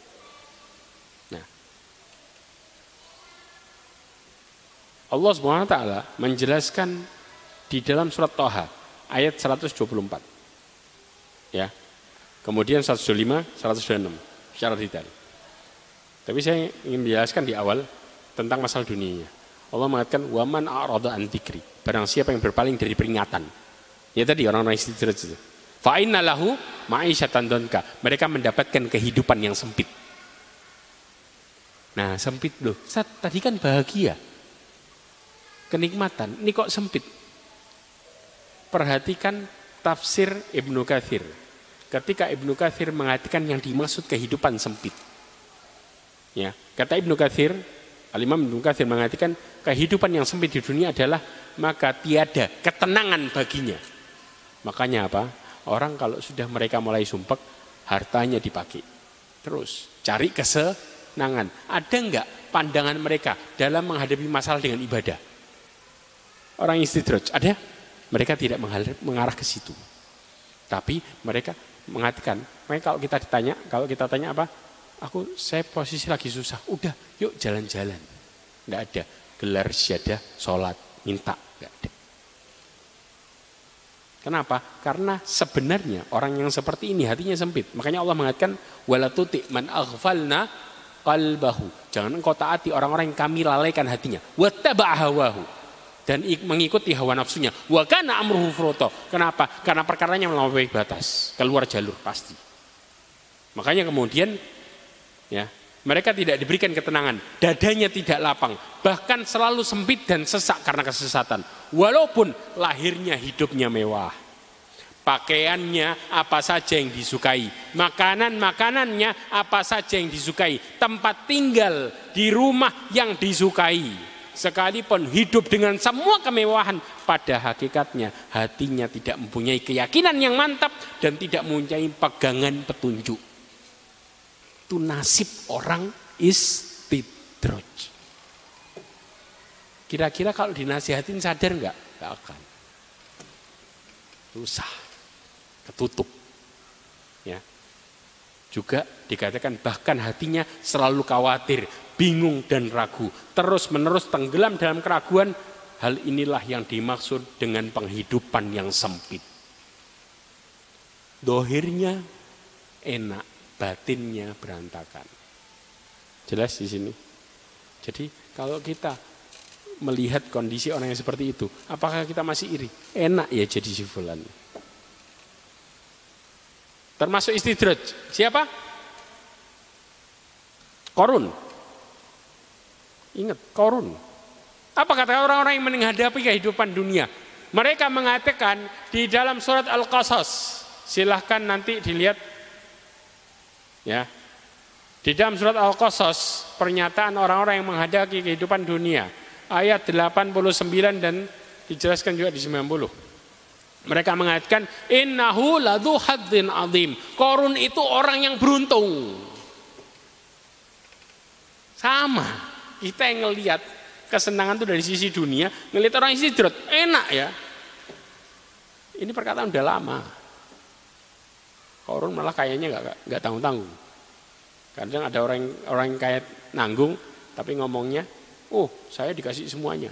Korun nggak nanggung. Jelas di sini ya. Inilah praktek istidrat sebenarnya.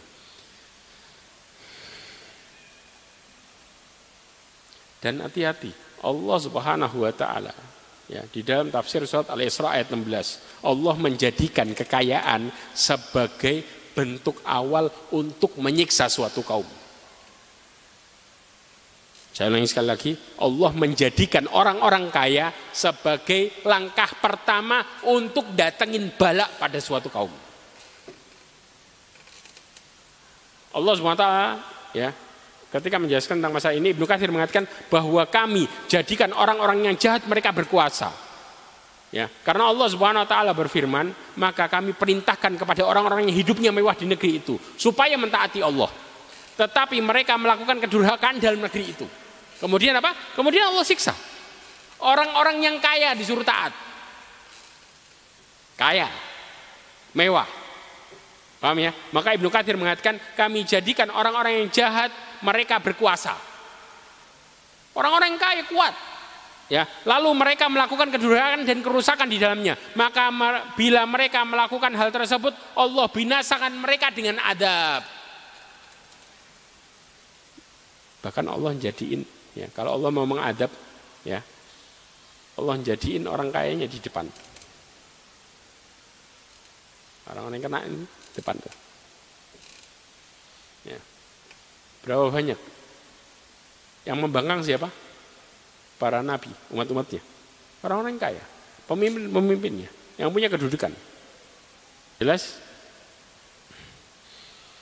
Dan bahkan Al-Aufi menjelaskan, diriwayatkan dari Ibnu Abbas, apa namanya, mentafsirkan Al-Isra ayat 16, yakni kami perbanyak jumlah mereka.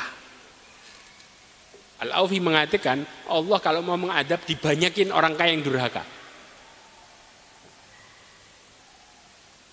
Baru kemudian turun, jebret habis. Hmm? Terjadi nggak sekarang? Hah? Orang kaya tambah durhaka. Padahal ngakunya muslim. Tambah lupa. Tambah akhirnya yang lain pada ke bawah. Jumlah orang-orang yang kemudian apa? Yang taat sedikit. Makanya kemudian Allah Subhanahu wa taala mengatakan dalam surat Al-An'am ayat 116. Allah mengatakan kalau kita dalil kebanyakan orang baca ini, lihat ini. Kata Allah, wa in tuti aktsara man fil ardi yudilluka an sabilillah. Kalau engkau mengikuti kebanyakan manusia, maka akan menyesatkan menjadi jalan Allah Subhanahu wa taala. Saya tanya, yang memakmurkan masjid jumlahnya banyak apa sedikit dari persentase muslim? Jelas di sini. Ya. Jadi kalau kita berdiri, kalau gitu banyak semua salah dong. Itu selalu yang dipakai. Orang selalu berdalil mengatakan kalau kebanyakan manusia salah berarti semuanya salahin aja. Surga hanya untuk Subhat yang sering terjadi seperti ini. Allah sudah ngomong dalam Al-Quran. Orang yang taat itu nggak banyak jumlahnya. Dan yang terkena fitnah itu banyak. Sampai Allah Rasulullah mengatakan apa? Badiru bila amal fitanan ka kita ilail mudlim. Segeralah melakukan amal soleh sebelum datangnya fitnah seperti potongan malam yang gelap. Yus rajul mu'min wa yumsi kafira. Yang kena fitnah. Jadi seperti ini. Pagi harinya mukmin, sorenya kafir. Au yumsi mu'minan wa yusbihu kafira. Atau sore harinya mukmin, paginya kafir. Kenapa? Ya bi'udinahum ya'radim minad dunia. Mereka menjual agamanya dengan sedikit kesenangan dunia, sedikit. Ya, Maka jelas Masyarul mu'minin rahimani wa rahimakumullah. Maka Ibnu Mas'ud mengatakan, ya, orang mukmin itu semakin takut sama Allah. Innal mu'min yara dunubahu ka'annama qa'idan tahtal jabal. Orang mukmin melihat dosanya kayak orang yang duduk di bawah jabal. Turun apa? Di bawah gunung. Ya khafu ayyaqa alaih. Takut gunungnya longsor kena dia. Wa wa innal fajir orang pendosa. Yara bahu kaduba bin marra ala anfihi faqala bihi hakada. Kayak orang fajir itu ngelihat dosanya kayak lalat lewat di hidungnya kemudian diginiin. Ibas. Ya ini asar ini diriwayatkan oleh Bukhari. Yang terakhir saya kasih hasil dengan sangat luar biasa ya. Nasihat Ibnu Qayyim menceritakan tentang gurunya Syekhul Islam Ibnu Taimiyah yang disebut praktek hayatan toyibah yang sebenarnya di dalam kisah ini. Ibnu Qayyim mengatakan Allah Ta'ala pasti tahu bahwa aku tidak pernah melihat seorang pun yang lebih bahagia hidupnya daripada beliau Syekhul Islam Ibnu Taimiyah. Lihat nasihat ini. Ya. Padahal kondisi kehidupan beliau sangat susah. Jauh dari kemewahan dan kesenangan duniawi, bahkan sangat memprihatinkan. Ditambah lagi dengan siksaan dan penderitaan yang beliau alami di jalan Allah Subhanahu wa taala berupa siksaan dalam penjara, ancaman, penindasan dari musuh-musuhnya. Ini orang dalam penjara loh, bukan bebas. Ya. Tapi dikisahkan apa? Namun bersamaan dengan itu semua aku dapati bahwa beliau adalah termasuk orang yang paling bahagia hidupnya, paling lapang dadanya, paling tegar hatinya, paling tenang jiwanya. Ya. Terpancar pada wajah beliau sinar kenikmatan hidup yang beliau rasakan. Kami murid-murid Ibnu Taimiyah jika kami ditimpa perasaan gundah gulana atau muncul dalam diri kami prasangka-prasangka buruk atau ketika kami merasakan kesempitan hidup, kami segera mendatangi beliau untuk meminta nasihat. Yang di luar penjara masuk ke penjara, datang tanya.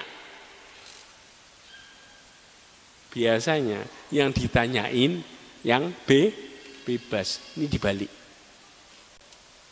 Kemudian maka dengan hanya memandang wajah beliau dan mendengar nasihat beliau serta merta hilang semua kegundahan yang kami rasakan berganti dengan perasaan lapang, tegar, yakin dan tenang. Ini dikisahkan di dalam kitab Al-Wabilus Sayyib halaman 48. Antum bisa bayangin.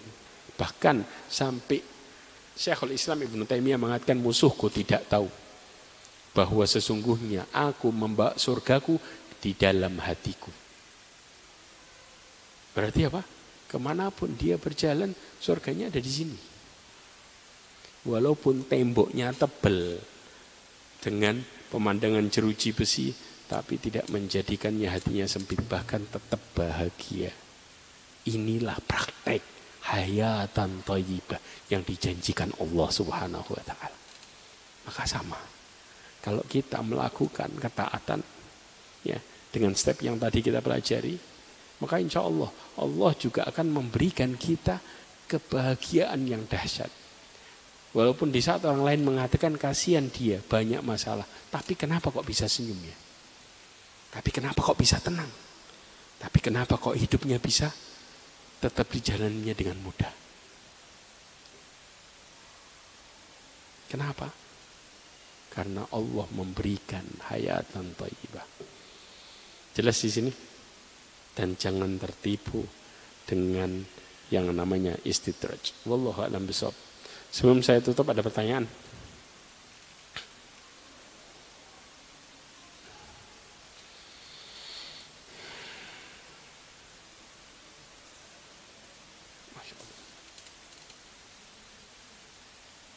Banyak.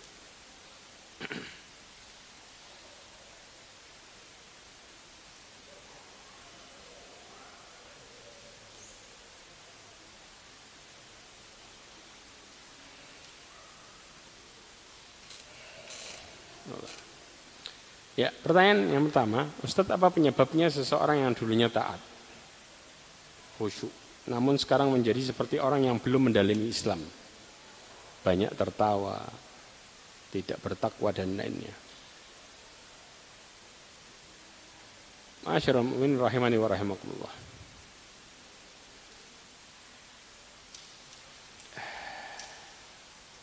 Saya pernah kayaknya pernah bahas sedikit tentang masalah ini.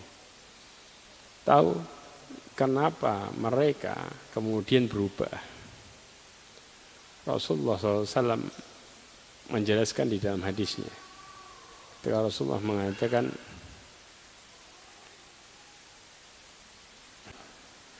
Kemudian warajulun ya'malu bi amali ahli nar hatta ma bainahu wa bainahu ila dhira fayasbiqu alaihi alkitab fayamalu bi amali ahli jannah juga ada penjelasannya juga dari Ibnu Rajab tentang perkara ini.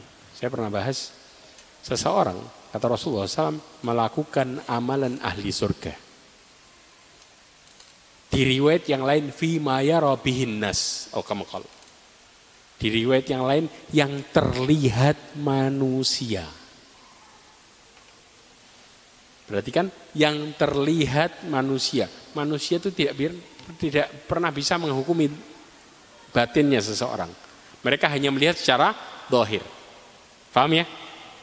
Kemudian sampai dikatakan hatta ma bainaha wa bainahu illa dira. Sampai-sampai antara dia sama surga tinggal sejengkal lagi.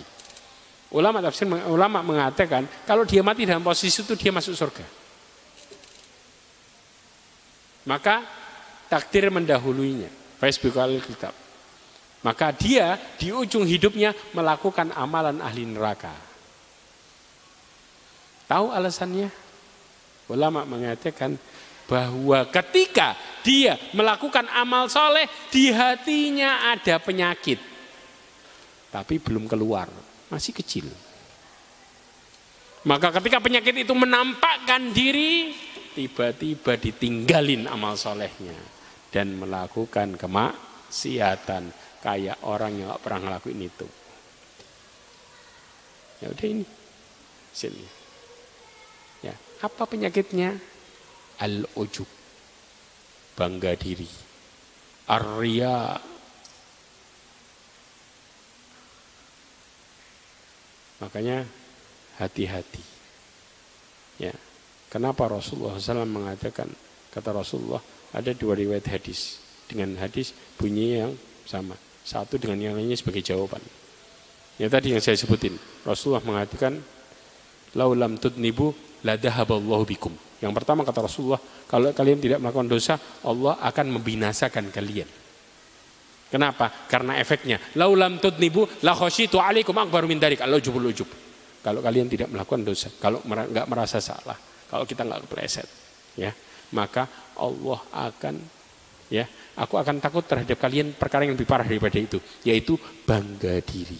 Orang kalau sudah mulai bangga diri, mereka melihat amalannya ya sebagai amalan yang dia usahakan sendiri dan melupakan Allah Subhanahu wa taala. Maka ketika mereka tidak melihat kebaikan dalam amalannya, keluar tuh berhenti. Terjadi, iya, ini jawabannya. Paham ya? Makanya kemudian Syekhul Islam Ibn Taimiyah orang yang orang yang ujub mereka tidak melakukan ya, melakukan firman Allah wa iyyaka nasta'in hanya kepadamulah kami minta tolong kepada Allah. Tidak dilakuin sama dia itu pengertian. Kenapa? Dia minta tolong ngelihat dirinya sendiri. Hasilnya nyeleweng. Karena ingat hidayah milik Allah. Kalau di sisi ini dilupain, dia mengandalkan dirinya, maka dia akan kembali ke pada masa ke apa jahiliyahnya, kesalahannya yang dulu.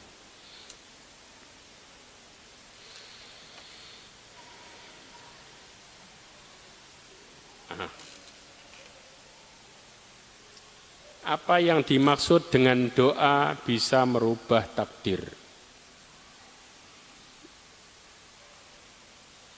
Kalau mau jawaban ini detailnya ada di besok pagi. Buat apa kalian berdoa? Jawabannya di situ.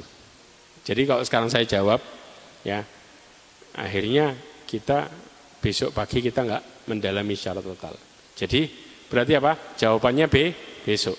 Semua di situ. Ya, jawabannya di situ.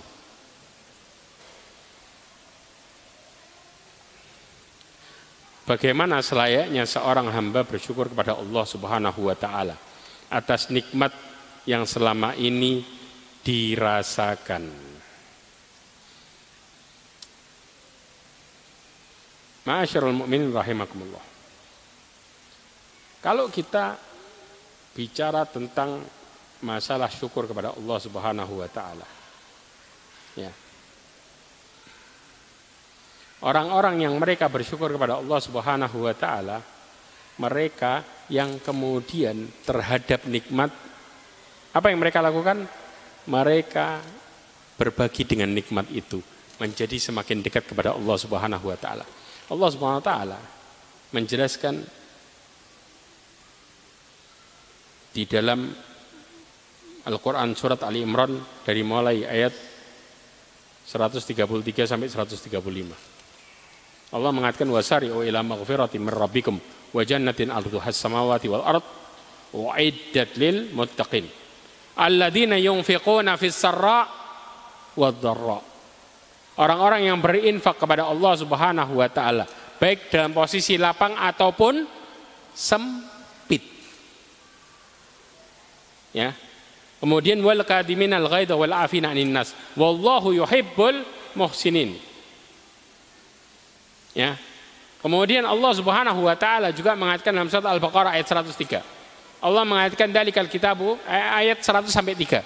Allah mengatakan dalikal kitabu la raiba fi hudal lil muttaqin alladzina yu'minuna bil ghaibi wa yuqimuna shalah wa mimma razaqnahum yunfiqun. Ya, orang-orang yang bersyukur menjadikan apa yang Allah berikan dimanfaatkan untuk mendekatkan dirinya kepada Allah. Makanya kemudian Allah mengatakan tentang asas hidup. Asas hidup. Surat Al-Qasas 78. Allah berfirman, "Wa bataghi fi ma ataqallah darul akhirah wa la tansa nasibaka minat dunya." Di sini praktek. Carilah keutamaan negeri akhirat. Allah mengatakan apa? Sebanyak-banyaknya. Orang yang bersyukur menjadikan tujuan setiap apa yang Allah berikan menjadikan tujuannya untuk memperbaiki negeri akhiratnya. Lalu bagaimana dengan dunianya? Walatan sanasibaka minat dunia. Allah mengatakan nasibak. Nasib itu sebagian atau semua? Hah? Sebagian nasibaka. Ya. Jatahmu. Ada jatah dikasih semua. Jatah itu kan bagi-bagi. Tapi jangan lupakan jatahmu dunia. Sebagian. Allah nggak bicara semua. Kalau semua, maka bahasanya bukan nasibak. Silahkan buka tafsir.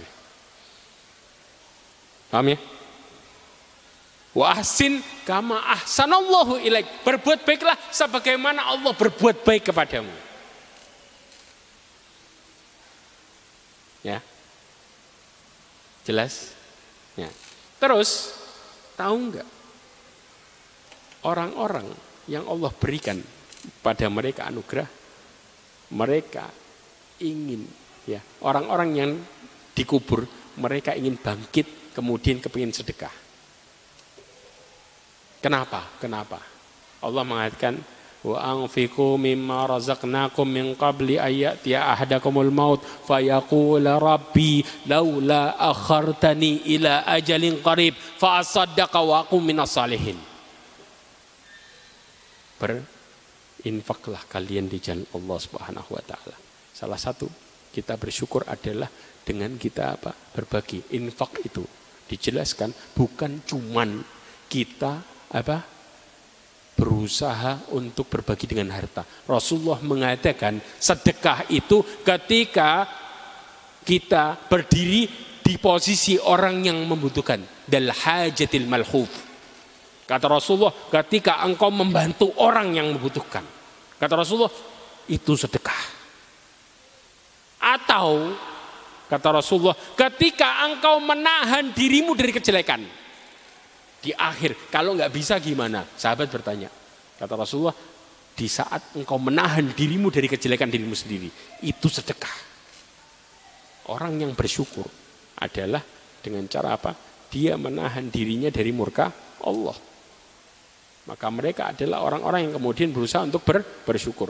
Nah, di saat mereka ya Kata kata Allah SWT, "Wang fikum mimma razaqnakum min qabli ayati ahlakumul maut." Sebelum datangnya kematian. Kemudian mereka mengatakan, "Laula akhartani ila ajarin qarib." Kalau seandainya engkau memberikanku kesempatan sedikit aja. Apa kata-kata yang pertama? Fa asaddaq. Saya akan bersedekah.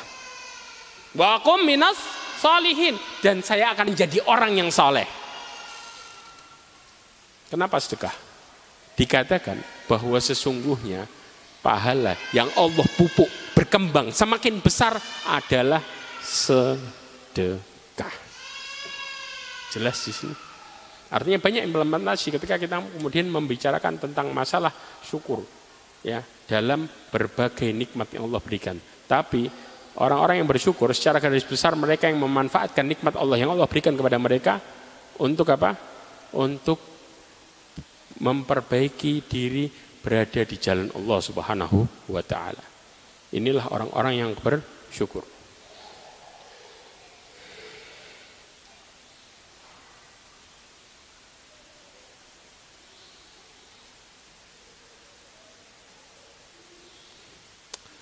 Jika saya mewakafkan buku-buku agama punya suami rahimahullah, apakah bisa menjadi amal jariah?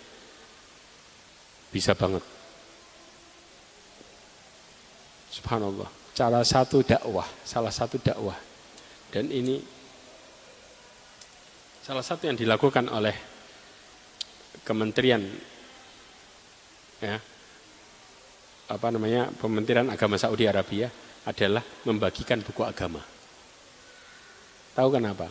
Terkadang pernah kejadian seorang anak kecil membagikan buku agama yang membuat salah seorang dapat hidayah dari buku itu. Dapat hidayah dari dari buku. Hadis Rasulullah SAW mengatakan mandalla ala khair. Atau riwayat yang lain dikatakan man sanna sunnatan hasanah falahu ajru mithlu ajru man amila biha wa la yanqusu dzalika min ujurihim syai'a. Ya, barang siapa yang memberikan petunjuk kebaikan atau barang siapa yang memberikan contoh kebaikan, maka dia akan mendapatkan pahala. Orang-orang yang menjalankan tanpa mengurangi pahala orang tersebut sama sekali. Berarti apa? Kalau kita mewakafkan buku, kemudian buku itu dipelajari kemudian didakwahkan, kemudian banyak yang mengamalkan, dipakai lagi didakwahkan. Subhanallah, semakin banyak orang yang memanfaatkan dari buku itu dan mempraktekannya, kita dapat kopian pahalanya terus-menerus. Tapi juga, perhatikan baik-baik, ada kondisi yang kita harus benar-benar berhati-hati.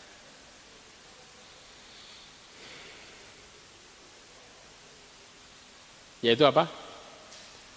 Di saat kita sebaliknya, yaitu menyebarkan sesuatu yang buruk. Jadi buku yang dikasih kadang-kadang nih kita minjemin sesuatu atau ngajak teman atau apa dalam perkara keburukan. Nauzubillahi min dalik. Rasulullah meneruskan lagi. Ya. Kata Rasulullah SAW di dalam hadis yang diriwayatkan oleh Muslim, "Man sanna fil Islami sunnatan sayyi'ah." Barang siapa ya yang membuat perbuatan buruk di dalam agama Islam, kemaksiatan dan lain sebagainya. Ya. Memberikan contoh itu bukan sekedar pakai omongan dan perbuatan, ngasih buku termasuk. Jelas? Ya. Maka kata Rasulullah, "Kana alaihi wizru." Ha wa wizru man amila biha min ba'dihi min ghairi ayang min auzarihim syai'a. Dia akan dapat dosa dirinya melakukan itu dan dosa para pengikutnya tanpa mengurangi dosa mereka sama sekali. Jadi jadi dosa jariah. Orang yang sampai kayak gini dikuburnya tetap jalan. Sama tadi juga. Orang yang berbuat baik kayak gini dikuburnya tetap ja, jalan selama dimanfaatkan. Ya. Kemudian juga Rasulullah SAW mengatakan, ya, sisi yang kedua yang ngajak.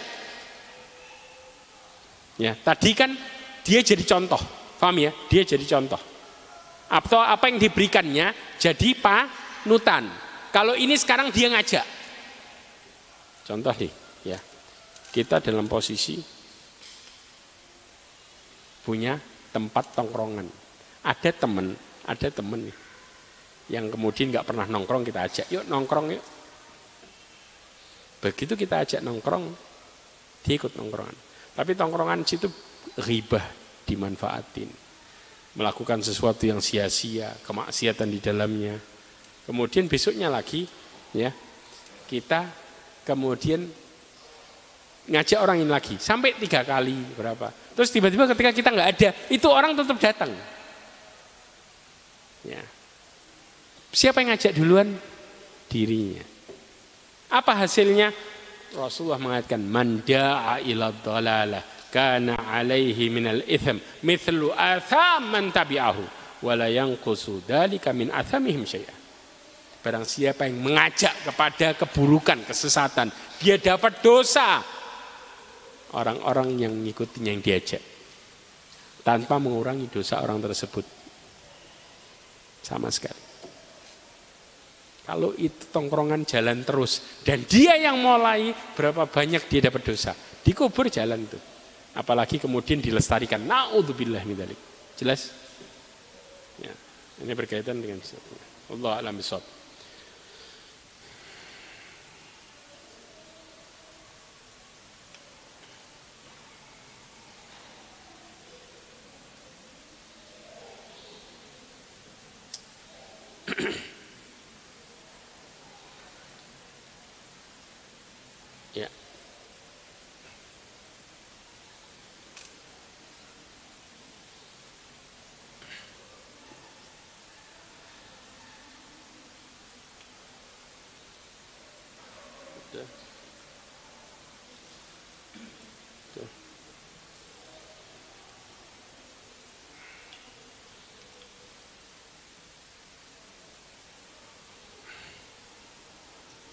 Ini ada pertanyaan. Adakah doa dijauhkan dari istidraj? Masyarul mu'min rahimani wa rahimakumullah. Dijauhkan dari istidraj. Wallahu alam doa secara khusus saya nggak tahu. Tapi ada sebuah doa Rasulullah SAW. Ya, secara umum. Rasulullah SAW mengajarkan doa ini untuk menghindari kita, menghindarkan kita dari keburukan. Keburukan pertama yang terjadi adalah ilmu tidak bermanfaat. Apa doanya? Keburukan ini berentet ada empat keburukan yang berentet. Berawal dari ilmu yang tidak bermanfaat. Rasulullah SAW mengatakan di dalam hadisnya kata Rasulullah SAW ya mengajarkan doa Allahumma inni a'udzubika min ilmin la yanfa. Ya Allah, aku berlindung kepadamu dari ilmu yang tidak bermanfaat. Satu. Dari ilmu yang tidak bermanfaat mengarah kepada penyakit yang kedua. Wa min qalbin la yahsya dari hati yang tidak khusyuk hilangnya rasa takut. Paham? Yang ketiga dari hati yang tidak khusyuk wa min nafsin la tashba. Dari jiwa yang nggak pernah ngerasa kenyang. Nggak pernah ngerasa cu cukup. Kemudian yang keempat wa min da'watin la yustajabulaha dan dari doa yang tidak terkabul tidak dijawab Kenapa? Kalau sudah jiwa nggak pernah ngerasa kenyang, mereka melakukan sesuatu yang haram, maka otomatis doanya ketolak. Rasulullah mengatakan warajulun yamuddu yadayhi sama wa qala ya rab ya rab. Seseorang yang dalam posisi perjalanan ya, kemudian apa? terkena debu. Kemudian dia mengangkat tangannya dan mengatakan ya Allah ya Allah. Rasulullah memulai dengan mengatakan rajul yutiru safar seseorang yang sedang dalam posisi perjalanan ya. Ketika mengatakan itu wa mat'amu haram makanannya haram. Wa haram minumannya haram. Wa bil haram. Kemudian diliputi dengan sesuatu yang haram. Kata Rasulullah fa anna yustajabu lidalik apakah kemudian Allah bakal menjawab doanya? Jelas dari sini hancur semua tuh berentet maka hidupnya apa? Berantakan berantakan, jauh dari petunjuk. Berawal dari ilmu tidak bermanfaat. Kalau secara khusus doa, wallahu alam. Ya. Tapi secara umum ya, permulaan hancurnya sesuatu adalah dari yang dipelajarinya. Jelas di sini? Ya, semuanya kena. Ini yang bisa saya sampaikan insya Allah pembahasan pagi nanti ya. Salah satunya adalah ada kupas tuntas tentang permasalahan doa ya. Apakah doa itu bisa merubah takdir? Lalu kalau kemudian apa namanya bisa bagaimana terjadinya? Semuanya silahkan ikutin pagi nanti tentang masalah ketik apa kenapa engkau diperintahkan untuk berdoa. Semua alasan dari situ Wallahu a'lam bishawab. Ini yang bisa saya sampaikan kurang lebihnya mohon maaf. Subhanakallahumma wa bihamdika asyhadu an la ilaha illa anta astaghfiruka wa atubu ilaik. Wassalamualaikum warahmatullahi wabarakatuh.